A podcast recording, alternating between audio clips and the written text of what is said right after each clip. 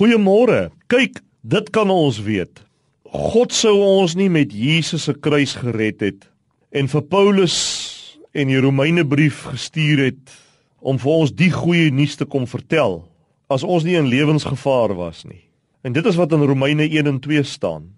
Uit watter ellende het God jou gered toe Jesus gesterf en opgestaan het en jy ingesluit was by sy dood en opstanding? Waaruit het God jou gered? Soveel so dat niemand enige verontskuldiging het nie. Diep in ons hart weet ons mos, weet ons die dood kleef van alles in ons wat God nie eer en aanbid vir wie hy regtig is nie. Ons hoor die blye nuus dat God ons onverdiend gered het op die kruis, maar ons is te koppig om dit regtig te glo. Ons is geneig om eerder vir God tot 'n leenaar te maak. Ons sê ag, dis te maklik, dis te goedkoop ensovoorts. Maar waarom staan dit alles dan in Romeine 1 en 2?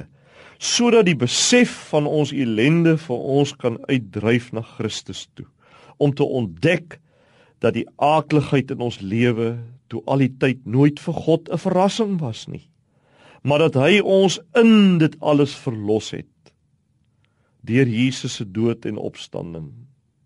Ja, dat God nie kon wag tot by jou geboortedag nie, maar vir jou voor die skepping reeds gekies het, sê Efesiërs 1.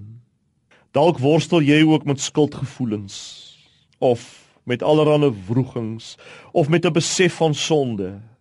Skep dan moed. Al hierdie ou dinge vang nie vir God onkant nie. Hy het vir jou in jou donkerte liefgehad.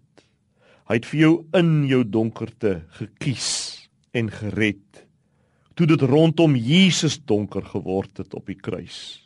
Waag dit om dit sonder versuim te glo en met 'n vaste hoop te lewe. Kom ons bid net saam. Here, dankie dat ek met al my sonde en skuld tot rus mag kom in U. U wat my reeds bevry het op Golgotha.